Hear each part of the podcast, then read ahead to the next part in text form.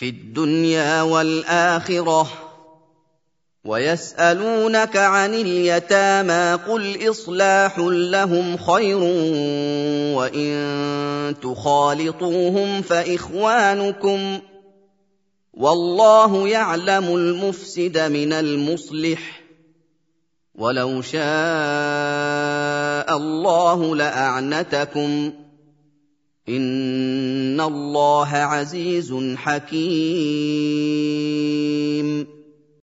Allah mensyariatkan hal itu agar kalian merenungkan apa yang bermanfaat untuk kalian di dunia dan di akhirat. Dan sahabat-sahabatmu bertanya kepadamu, wahai Nabi, tentang urusan perwalian mereka atas anak-anak yatim.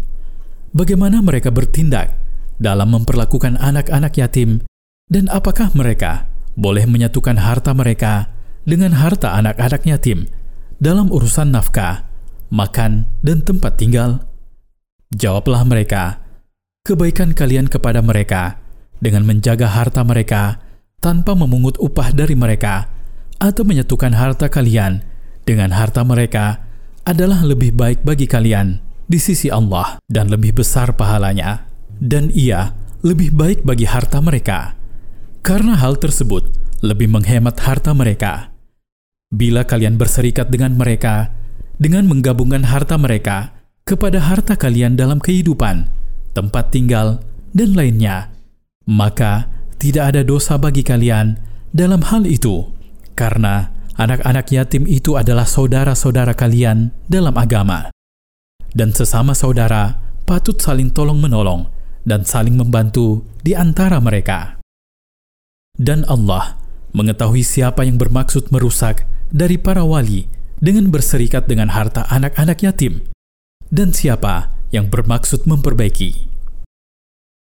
Kalau Allah berkehendak untuk memberatkan kalian dalam urusan anak-anak yatim, niscaya Dia memberatkan kalian. Akan tetapi, Allah Ta'ala memudahkan cara berinteraksi dengan mereka karena syariat Allah berpijak pada kemudahan. Sesungguhnya, Allah Maha Perkasa tidak ada sesuatu pun yang mengalahkannya. Maha bijaksana dalam penciptaan, pengaturan, dan syariatnya. ولا تنكحوا المشركات حتى يؤمن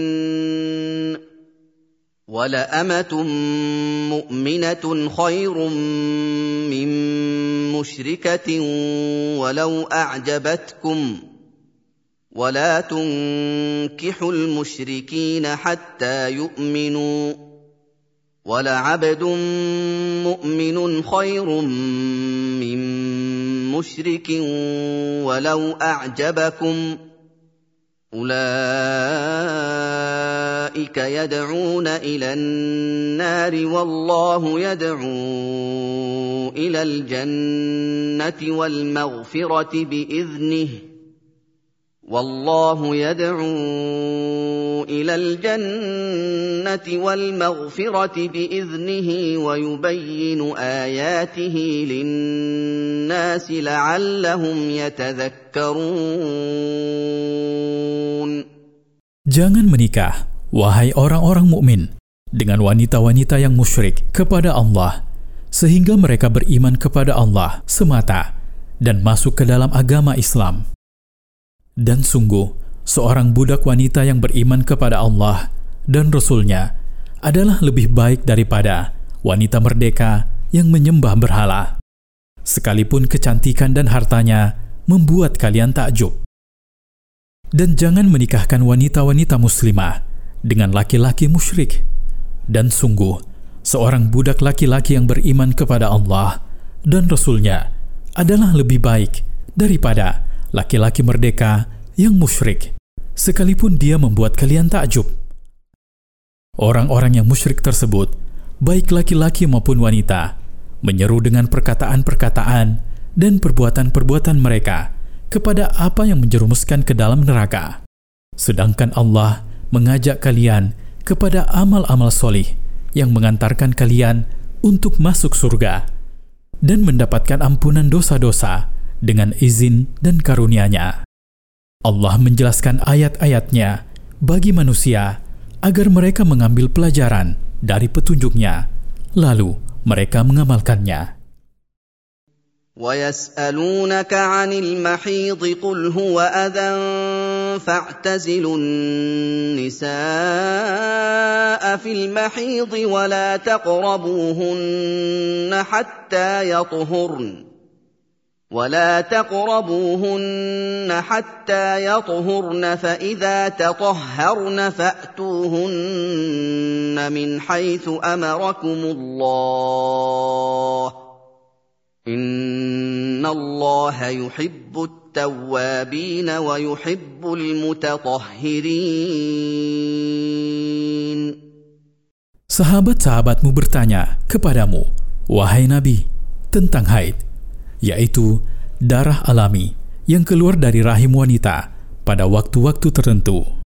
Jawablah mereka bahwa haid adalah sesuatu yang kotor bagi laki-laki dan wanita. Karena itu, jauhilah hubungan suami istri saat haid, dan jangan mendekati istri kalian dengan menggaulinya sampai darah haid mereka berhenti, dan mereka bersuci darinya dengan mandi. Bila darah haid mereka telah berhenti dan mereka telah bersuci dengan mandi, maka silahkan menggauli mereka dalam bentuk yang Allah halalkan bagi kalian, yaitu ketika istri dalam keadaan suci dan menggauli di kelaminnya.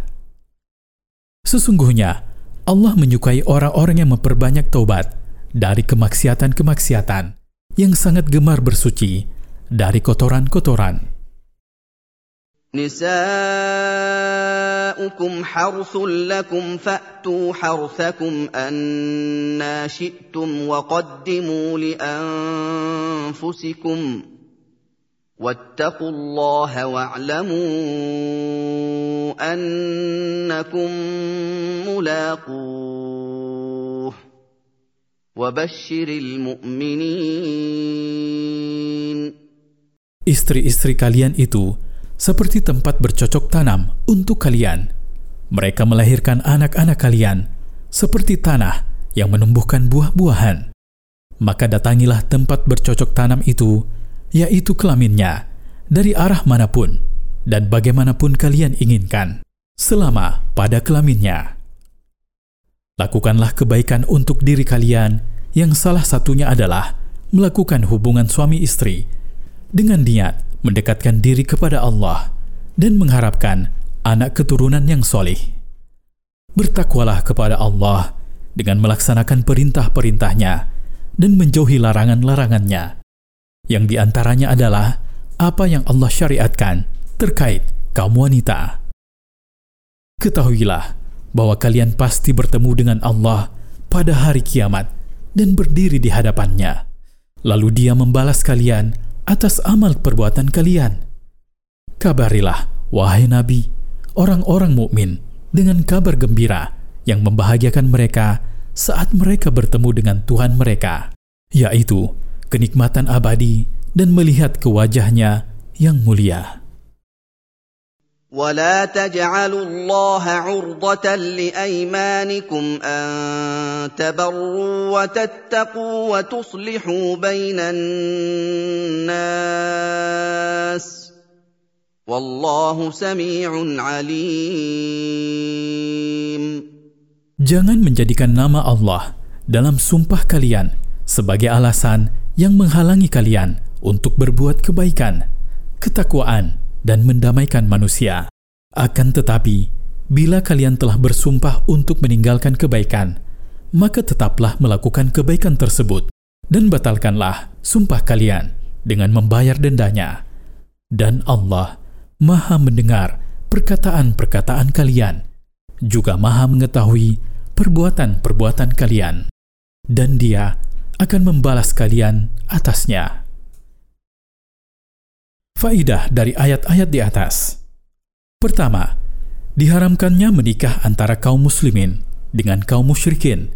Hal itu karena jauhnya jarak yang memisahkan antara iman dan syirik. Kedua, ayat di atas menunjukkan disyariatkannya wali dalam pernikahan karena Allah Ta'ala berbicara kepada para wali manakala Allah melarang mereka untuk menikahkan kaum musyrikin dengan wanita-wanita muslimah. Ketiga, larangan untuk suami melakukan hubungan suami istri dengan istrinya yang sedang haid sampai istrinya suci dan mandi. Sedangkan apa yang tidak sampai pada hubungan suami istri, maka hal itu tidak dilarang. Keempat, syariat mendorong kepada kesucian real dari kotoran dan najis, dan kesucian maknawi dari kesyirikan dan kemaksiatan. Kelima, dorongan kepada orang mukmin agar perdagangannya dalam amal perbuatannya, termasuk yang berkaitan dengan kesenangannya, tertuju kepada alam akhirat sehingga dia menyuguhkan sesuatu yang bermanfaat untuk dirinya di sana.